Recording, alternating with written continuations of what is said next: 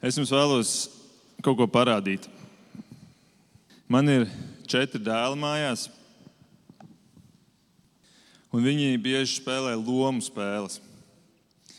Lomu spēles, kurā viņi pārsvarā pārģērbjās par varoņiem.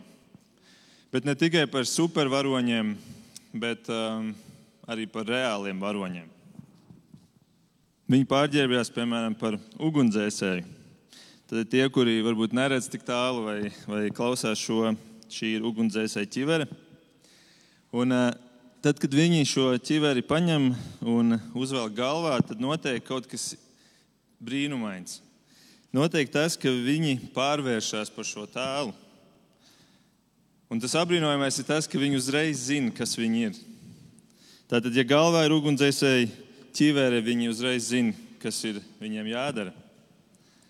Viņi zina, kas ir daļa no šīs lomas un kas nav daļa no šīs lomas.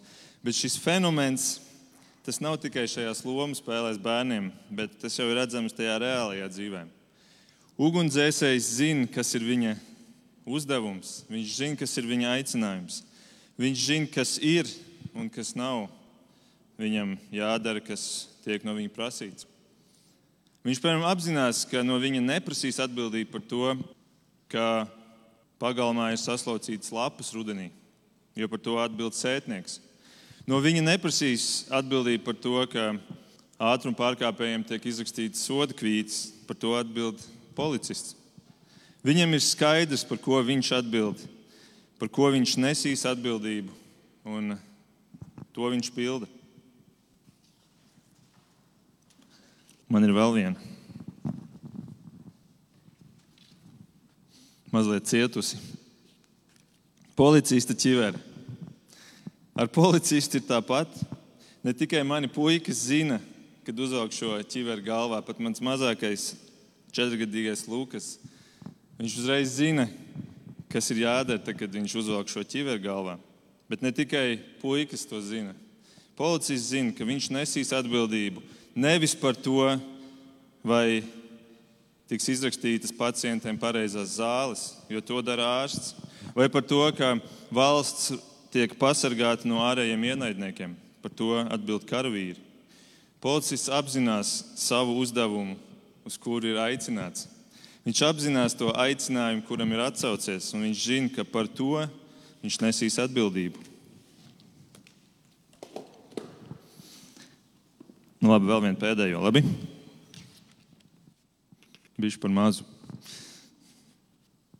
Karavīri ķiveri. Arī karavīrs apzinās savu aicinājumu, ne savu uzdevumu, kuru viņš ir saņēmis no augšas. Karavīrs zina, ka viņš no viņa neprasīs atbildību par to, vai nodokļi valstī ir iekasēti, vai mājas ir pareizi uzceltas, vai ielas ir saremontētas. Viņam prasīs atbildību par tiem pienākumiem, kur ir uzticēti viņam. Un līdzīgi ir ar kristieti. Līdzīgi ir ar kristieti.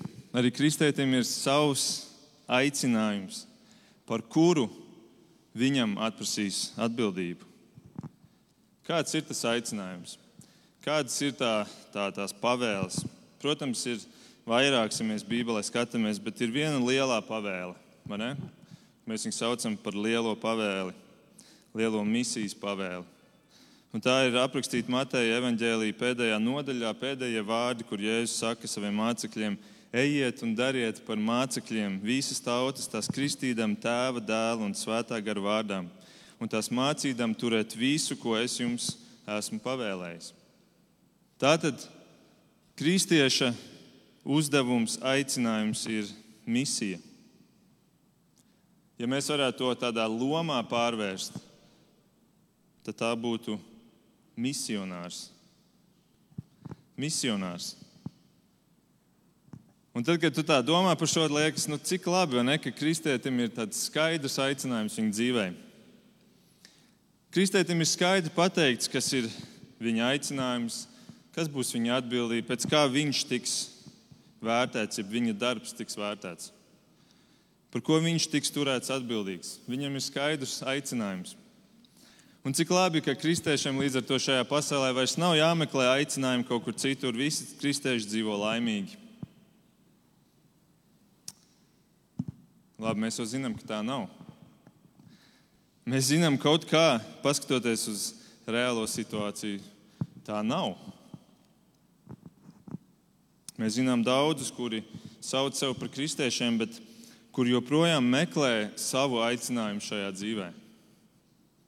Varbūt mēs pat paši esam viņu vidū, arī šajā rītā. Nezinām īsti, kur mēs esam, kur mums vajadzētu būt, kas ir tas, ko mums vajadzētu darīt. Un, ziniet, Bībelē pat atklāja, ka tiešām tā var notikt ar kristiešiem. Jo mūsu šodienas pantā, kuras nolasīju, apstults Pāvils to savā veidā arī pasaka. Viņš saka, tad nu es, cietumnieks kunga dēļ, lūdzu jūs dzīvot tā aicinājuma cienīgi, ar kuru jūs esat aicināti. Es jūs lūdzu darīt to, ko acīm redzot, jūs nedarat, vai kādi nedara. No šī panta izriet, ka tu vari arī nedzīvot savu aicinājumu cienīgi. Bet Pāvils te lūdz dzīvot tādam. Jo tas ir tik ļoti svarīgi. Nevis tikai tev pašam, lai tu zini skaidri, kas tu esi un kas tev ir jādara. Bet tas ir tik ļoti svarīgi arī tiem apkārtējiem cilvēkiem, kuru dzīvēs tu esi. Un tāpēc es jūs priekšā šodien vēlos parādīt um, tādu maršrutu uz izpratni par savu aicinājumu. Jo visam ir jāsākās ar izpratni, un pēc tam arī sekos rīcība. Un tas ir varbūt kā tāds, ja mēs varētu teikt, tāds tā kā darba sludinājums savā ziņā, kuru mēs varam ieraudzīt, paskatoties uz Bībeles lapusēm, kurā ir aprakstītas kādas lietas, kuras, kuras mums ir jāapzinās, ja mēs um, atsaucamies šim aicinājumam. Un šodien tie būs trīs pieturpunkti. Pirmais būs izprast aicinājuma avotu. Tātad saprast, no kurienes nāk vispār tas aicinājums. Un tad ir aicinājuma ieguvumi un aicinājuma atbildība. Līdzīgi kā darba sludinājumā, reku šeit ir tās lietas, kuras tu iegūsi, tie ieguvumi, un šeit ir tās lietas, kas būs prasītas no tevis, prasības. Un pie katra no punktiem es dažas raksturvietas nolikšu. Šodien struktūra būs ļoti vienkārša, dažas raksturvietas. Un, um, es esmu izgājis cauri tām rakstvietām, kas jaunajā derībā ir minētas, kur ir, kur ir lietots vārds aicinājums. Un mēs apskatīsimies, kāda ir Bībeles tā aina attiecībā uz šo aicinājumu domu. Tātad pirmais punkts - aicinājuma avots. Un te es vēlos, ka mēs atveram, un patiesībā jums nav jāatver, būs uz ekrāna tās galvenās raksturvietas šodien salikt, lai mums vieglāk arī ir sekot līdzi. Pirmā raksturvieta romiešiem 8.30. Tur ir divreiz minēts vārds aicināt, par kuriem viņš, tātad Dievs, jau iepriekš ir noteicis, tos viņš arī aicina, un kurus aicina, tos arī attaisno un kurus attaisno, tos arī pagodina. Šeit ir redzamas tāda pilnā ķēde, piln, piln, piln, pilnais tas posms, kā kristieša glābšana notiek. Un mēs redzam, šeit ir četri posmi, un liekas, ka aicinājums ir tas pirmais posms dzīvē, ka viss sākās ar to aicinājumu. Bet izrādās, ka vēl pirms aicinājuma ir vēl kāds posms šeit minēts. Pirms Dievs aicina, Viņš kaut ko jau izdara. Te ir lietots vārds noteica, noteicis. Tad mēs redzam, ka aicinājuma avots ir Dievs, Dieva noteikšana. Tas ir kaut kas, kas ir lielāks par mani, tas ir kaut kas, kas ir ārpus mani. Tas ir Dieva darbs, nevis mans darbs. Vēl vienā rakstvietā Pāvils Timotejam raksta 2. Timoteja 1.9. Dievs mūs ir izglābis un aicinājis ar svēto aicinājumu ne pēc mūsu darbiem, bet pēc sava nodoma, pēc sava nodoma un svētības, kas mums dota Kristu Jēzu vēl pirms mūžības laikiem. Tad ja mēs pavisam skaidri redzam, ka tas ir ārpus mūsu darbiem. Tas ir pat ne tikai pirms mūsu piedzimšanas, pirms mēs varējām kādu darbu izdarīt, bet tas ir pat pirms pasaules dzimšanas, pirms mūžīgiem laikiem. Dievs šo aicinājumu savā ziņā mums rezervēja jau caur Kristu pirms pasaules radīšanas.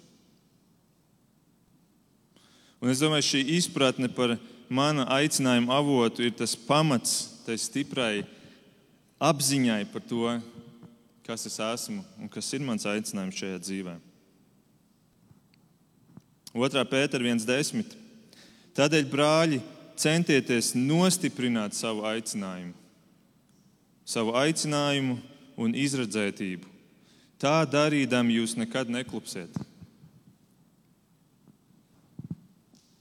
Pāvils saka, Ceturtais Pēters šeit saka, centieties nostiprināt savu aicinājumu un izredzētību. To, ko jūs dzirdat, lasat šeit, centieties to nostiprināt. Es nezinu, vai es esmu kādreiz to atklājis, bet arī mans ceļš uz izpratni par savu aicinājumu iesākās ar izpratni par šo sākumu, par šo avotu, par to, ar ko tas viss sākās, kur tas ir sakņots, par to, kā Dievs man ir izglābis. Bija tāda viena īpaši spilgta reize manā dzīvē, kad es viens pats biju mājās un es klausījos kādu svētkrunu par, par šo visu tēmu, par Dieva aicinājumu, par Dieva izredzētību, izredzēšanu, par uh, to, kā kas, kā notiek tas, ko mēs teoloģijā saucam par soterioloģiju, kā notiek glābšana. Un, un par šiem pašiem pantiem, un, un tie man tik dziļi aizskāra, jo beidzot tā pelēkā masa, kura man bija, kurā man bija sajaukta tā Bībeles vēsts par Dieva darbu un par mūsu darbu, par glābšanas cēloni, šī pelēkā masa man pašķīrās, sadalījās divās daļās - melnajā un baltajā. Un tajā melnajā es ieraudzīju sevi, savu nesvētumu. Ieraudzīju, cik es esmu grēcīgs, cik es esmu nespējīgs vispār tuvoties šim dievam.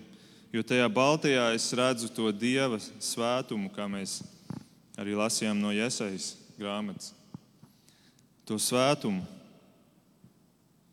Un tad es sapratu, ka es, šis nesvētais, lai tiktu pie tā svētā dieva, ka vienīgais ceļš ir, ka tas aicinājums nāk no viņa pie manis.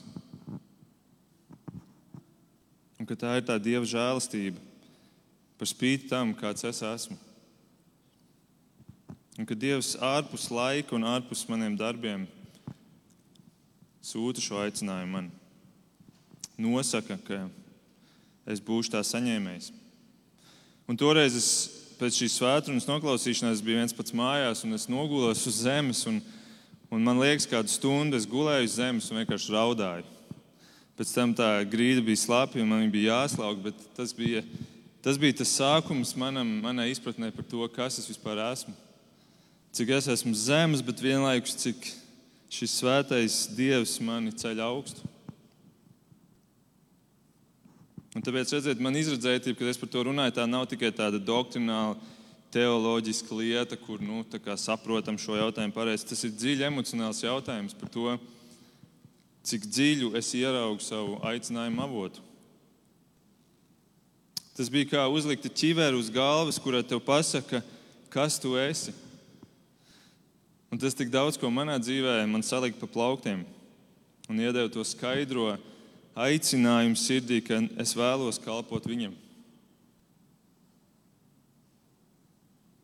Un šajā otrā pētera rakstvietā ir teikts, tā darīdam jūs nekad neklupsiet. Jā, es esmu klupis joprojām grēkā, bet es vairs neesmu klupis savā drošībā par savu aicinājumu un par savu aicinātāju. Un, kad es lasu Iesai to, ko mēs ievadā lasījām, Es redzu, ka Dievs to nedarīja tikai ar Jēzaju, bet ka Viņš to dara šodien ar cilvēkiem. Jēzus 6, 7, 8. Viņš pieskārās manai mutē un teica: Redzi, tā pieskaras tavām lūpām, noņemta tava vaina, apklāts tavs grēks. Un es dzirdēju, kungu sakām, kuru lai es sūtu, kurš ies un runās par mums. Tad es teicu, es te sūti mani. Tātad vispirms ir šī satikšanās ar Dievu un ieraudzīšana viņu tajā īstajā gaismā un sevis ieraudzīšana. Un tikai pēc tam, kad ir notikusi šī sastapšanās, tad notiek šī sūtīšana un šī atsaukšanās. Un vēl viens pēdējais pants šajā pirmajā punktā par aicinājumu avotu. Romiešiem 11.29. Dieva žēlastības dāvanas un aicinājums ir negrozāms. Negrozāms. Aicinātais ir Dievs, un Dievs nekļūdās. Tādēļ tiem, kurus Viņš reiz ir aicinājis un kuri ir atsaukušies, Viņš ir devis žēlastības dāvanas. Un tās kopā ar šo aicinājumu paliks līdz galam. Tas netiks atcelts. Tāds lūk ir aicinājuma avots. Tas mums ir, es ticu, jāapzinās, lai mēs būtu droši par to, kur mēs stāvam. Lai mēs būtu droši par to, kurš mūs aicina un kāds ir mūsu aicinājums. Otrā daļa - aicinājuma ieguvumi, jeb ieguvums. Tas, ko es jums aprakstīju pirmajā daļā, tas jau jūs apzināties, tas ir tas lielākais iegūms. Un no tā aug šī skaidrā apziņa, un es zinu, cik daudz cilvēku šajā pasaulē ilgojas pēc tādas skaidras apziņas par savu aicinājumu. Dažreiz liekas, es būtu gatavs būt kaut kas zems, bet lai es vismaz zinu, ka es tas gribu būt, ka tā ir tā mana vieta, ka tas ir tas mans aicinājums bet cilvēkiem pietrūkst tā. Un tad ir vienalga, vai tu esi kaut kādā augstā amatā vai zemā amatā, bet ja tev nav šīs pārliecības, tu nebūsi laimīgs un tu nebūsi efektīvs.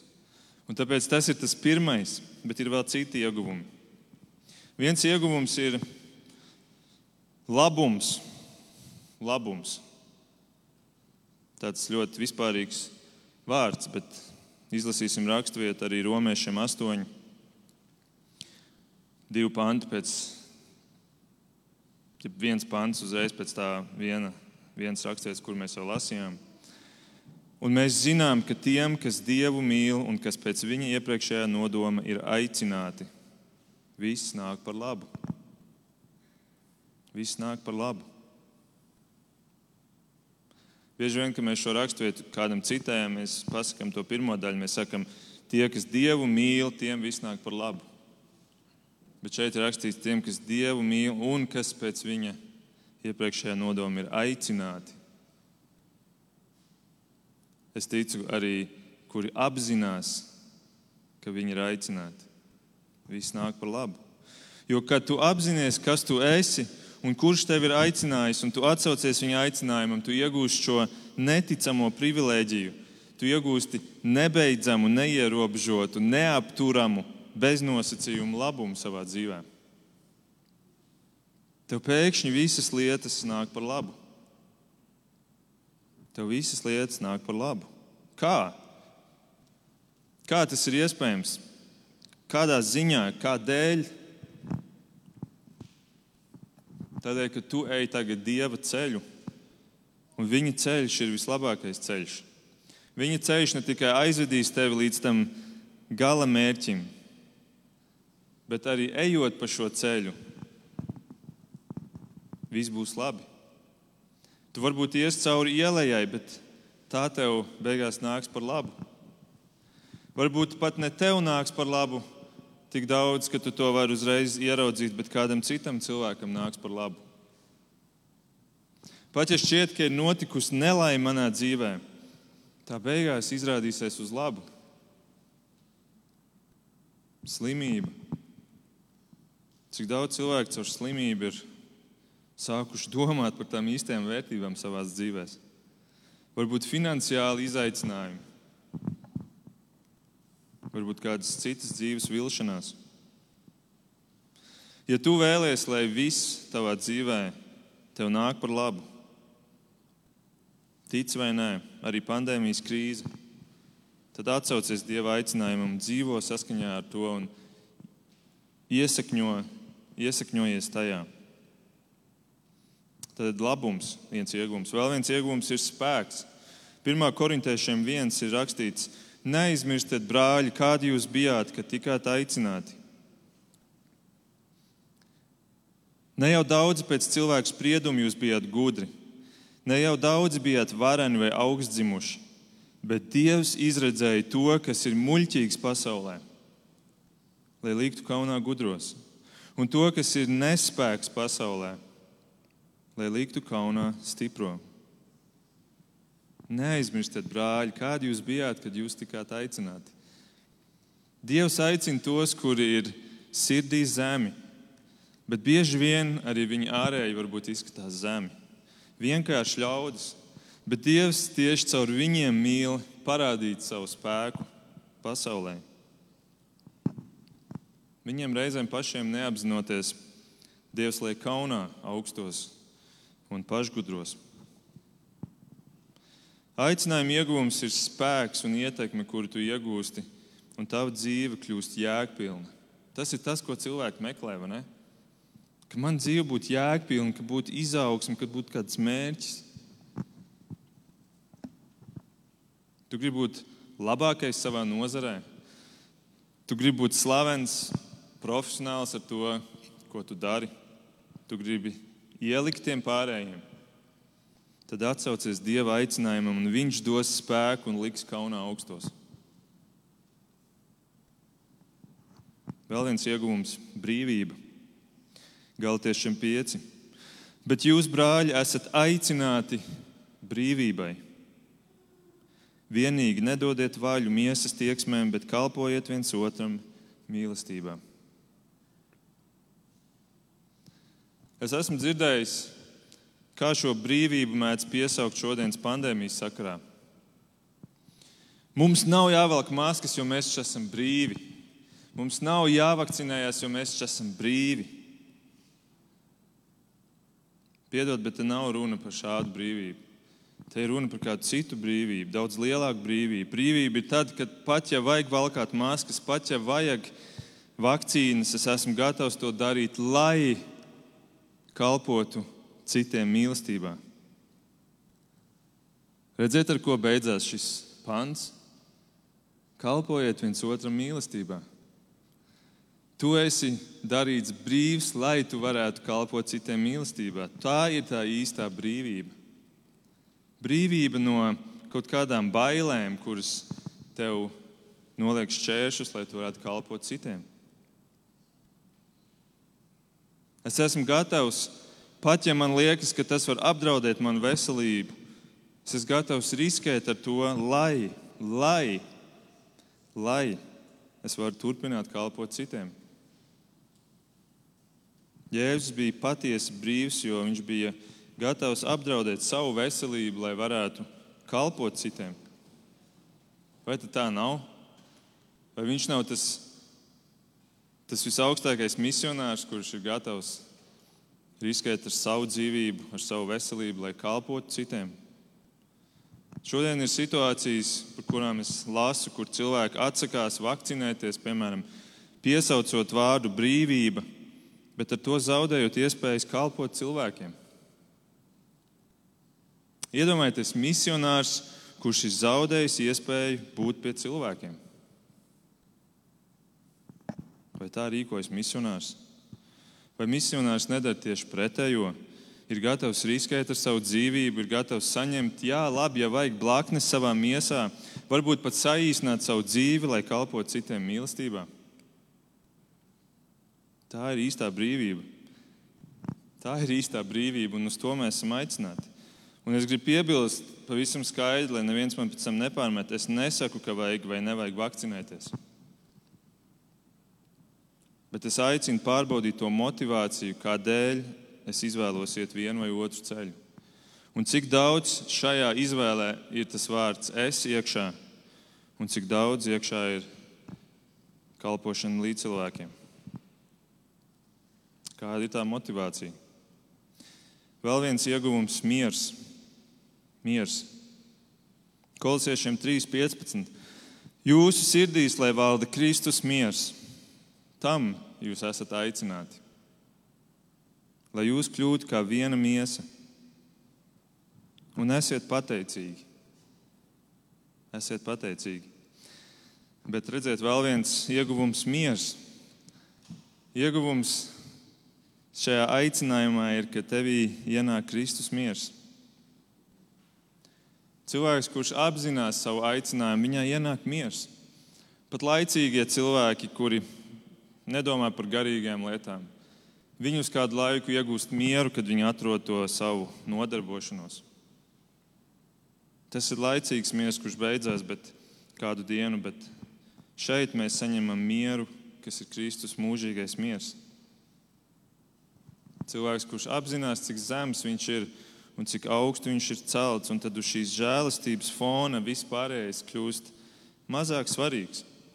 Vai nav tā, ka bieži vien tas nemieris mūsos ir tādēļ, ka mēs pārāk augstu paceļam šīs lietas, par kurām mums ir nemieris? Un aizmirstam to lielo skaisto bildi, kurā mēs dzīvojam no Dieva žēlastības. Vai tev ir miers šajā laikā, arī šajā ļoti nemierīgajā laikā? Vai tev joprojām ir pateicība Dievam par visu, kas notiek? Vai tev ir ticība, ka tas nāk tev par labu? Es ceru, ka tu izmanto šos, šos ieguvumus, kurus Dievs tev ir devis. Mēs vēlreiz varam apskatīties uz visiem četriem, kas ir šeit minēti. Labums, spēks, brīvība, miers. Bet tur, kur ir privilēģijas, tur arī ir pienākumi. Un aicinājumam līdzi nāk atbildība. Aicinājumam līdzi nāk atbildība. Un tā nu trešajā daļā vēl dažas, daži uzdevumi, dažas prasības, kur Bībele mums uzliek kā tiem, kuri ir Dieva aicināti šajā misionāra amatā. Pirmais ir ciešanas. Ciešanas. 1. pētera 2,19 un 21 ir rakstīts: Tā ir Dieva žēlastība. Ja kāds netaisnīgi ciestams panes bēdas, apzinoties Dieva klātbūtni, uz to jūs esat aicināti, jo arī Kristus ir cietis jūsu dēļ, atstādams jums paraugu, lai jūs sekotu viņa pēdās. Uz to jūs esat aicināti. Kā jau iepriekš es pieskāros šai domai, misionārs nedodas misijas laukā, lai tur justos drošāk nekā savā mājās, no kurienes viņš izbrauc. Viņš nedodas misijas laukā, lai paglābtu savu dzīvību. Viņš nedodas šajā misijas laukā, lai izvairītos no diskomforta. Tieši pretēji. Viņš dodas ar skaidru apziņu, ka viņš ir gatavs ciest, ja tas būs vajadzīgs. Jo viņam ir augstāks mērķis par savu komfortu, un tas ir rādīt gaismu pazudušajiem. Līdzīgi kā ugunsdzēsējs, kurš dodas ugunī, lai glābtu cilvēkus no tās. Kā policists, kurš ir gatavs stāties pretī noziedzniekam, kuram ir pistole rokā, lai pasargātu cilvēkus, sabiedrību. Kā karavīrs, kurš ir gatavs mirt, viņš apzinās, ka viņš var mirt, lai aizstāvētu savu valsti no agresoriem.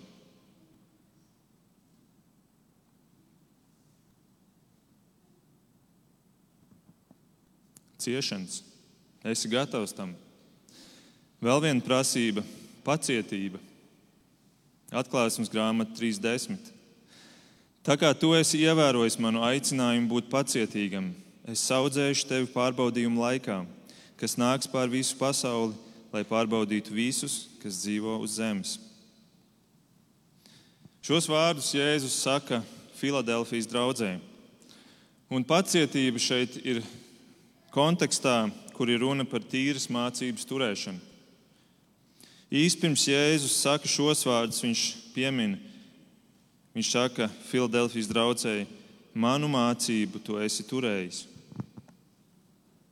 Te pacietība iezīmējas tajā, ka tu turies pie Bībeles mācības, pie Jēzus vārdiem, pie Dieva apsolījumiem, pat tad, kad pūš augsts pretvējš tev sejā. Pat tad, kad tev varbūt par to ir jācieš.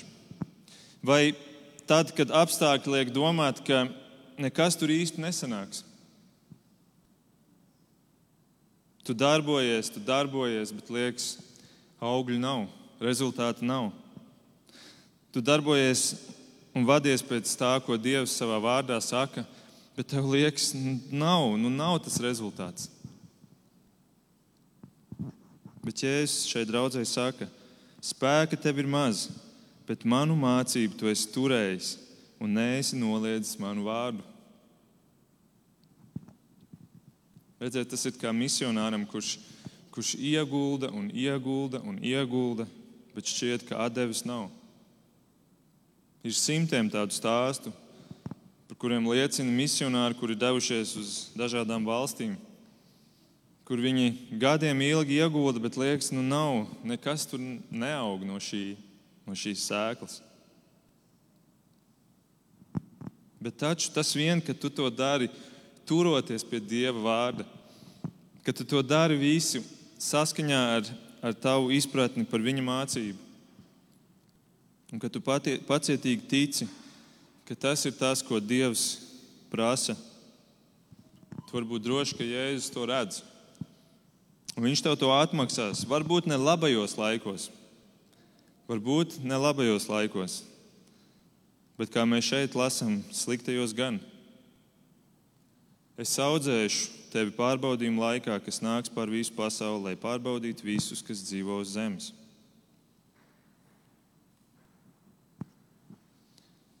Es ticu, ka arī šodienas pārbaudījuma laikos Dieva aicinātie misionāri pacietīgi turoties pie veselīgās Bībeles mācības, tiek pasargāti.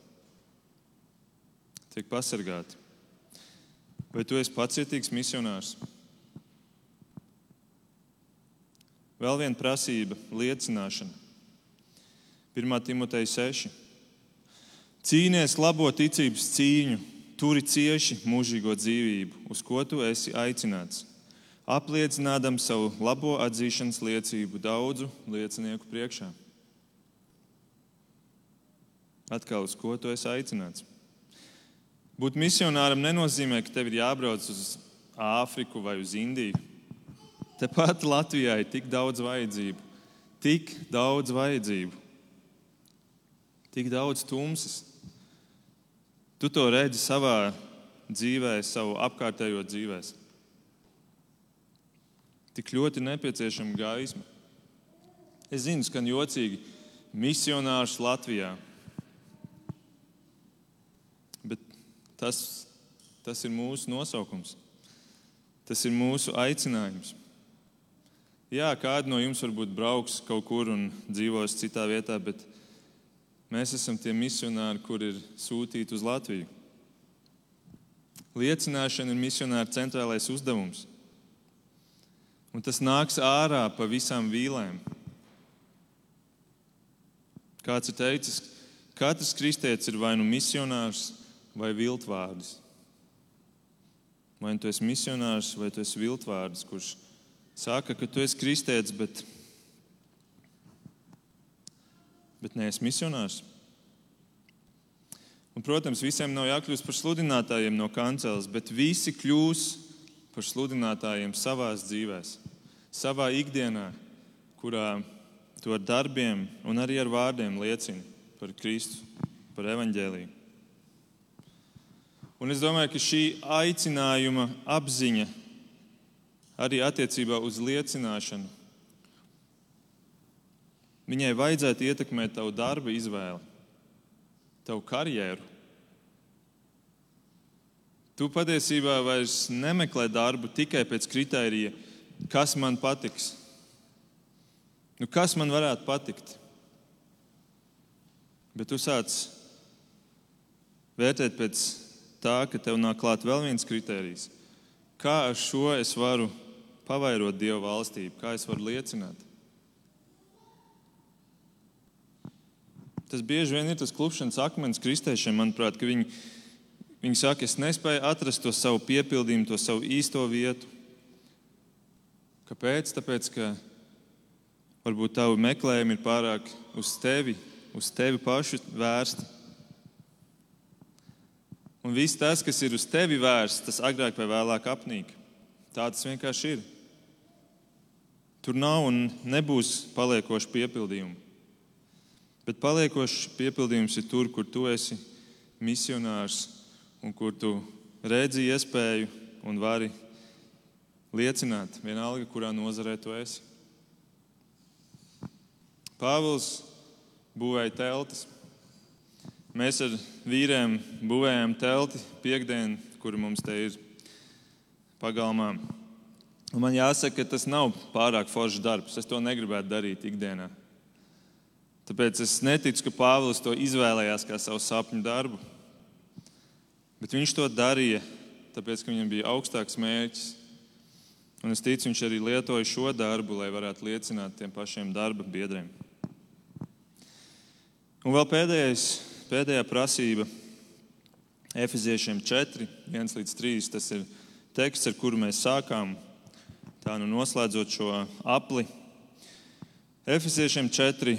Tad nu es, cietumnieks kunga dēļ, lūdzu jūs dzīvot tā aicinājuma cienīgi, ar kuru esat aicināti, visā pazemībā, lēnprātībā un pacietībā, ar mīlestību panesdam cits citu, dedzīgi sargādam vienotību garā, uzturēdami to ar miera saiti.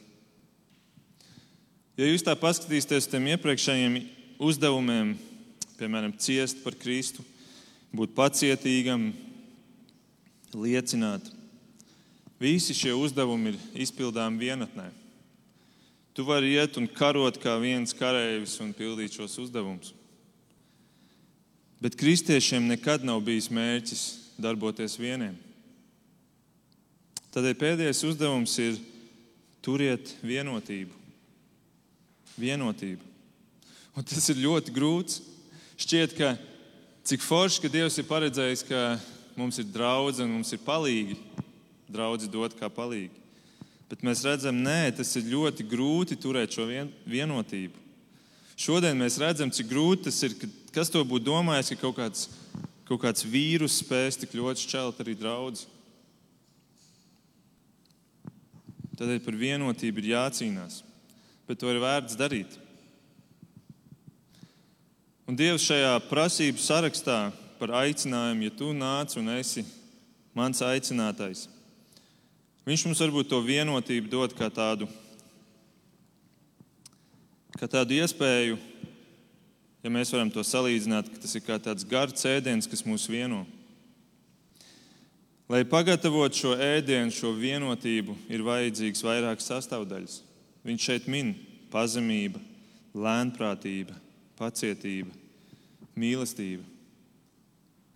Izņem vienu sastāvdaļu ārā no šīs receptes, un šis ēdiens vairs nesanāks.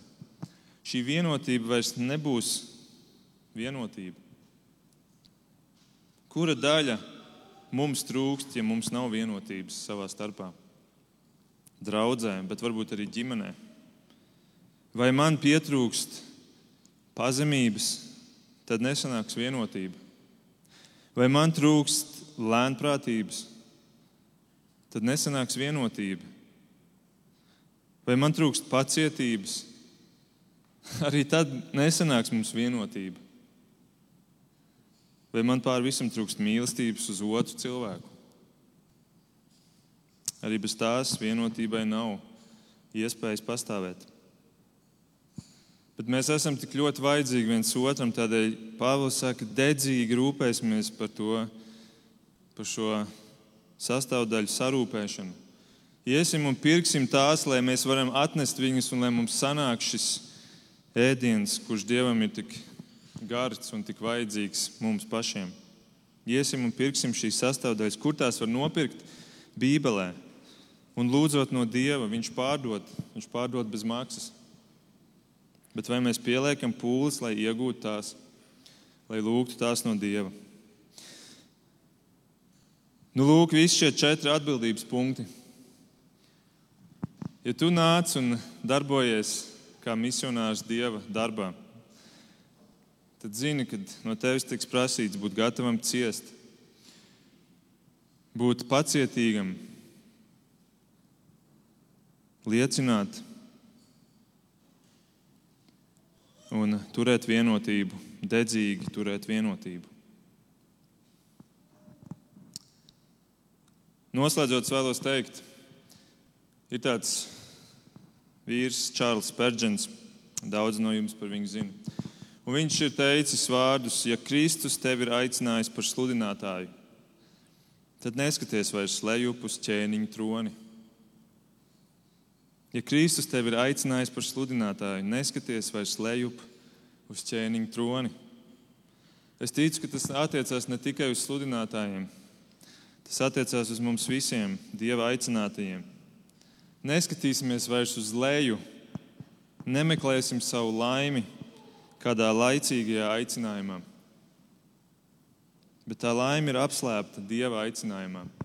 Dieva aicinājuma izpratnē, tajā avota izpratnē, tā, ieg, tā ieguvumu izmantošanā un atbildības nešanā, ko prasa šis aicinājums mums. Un mēs būsim tik laimīgi cilvēki, un mēs varēsim daudz svētīt. Lūksim Dievu.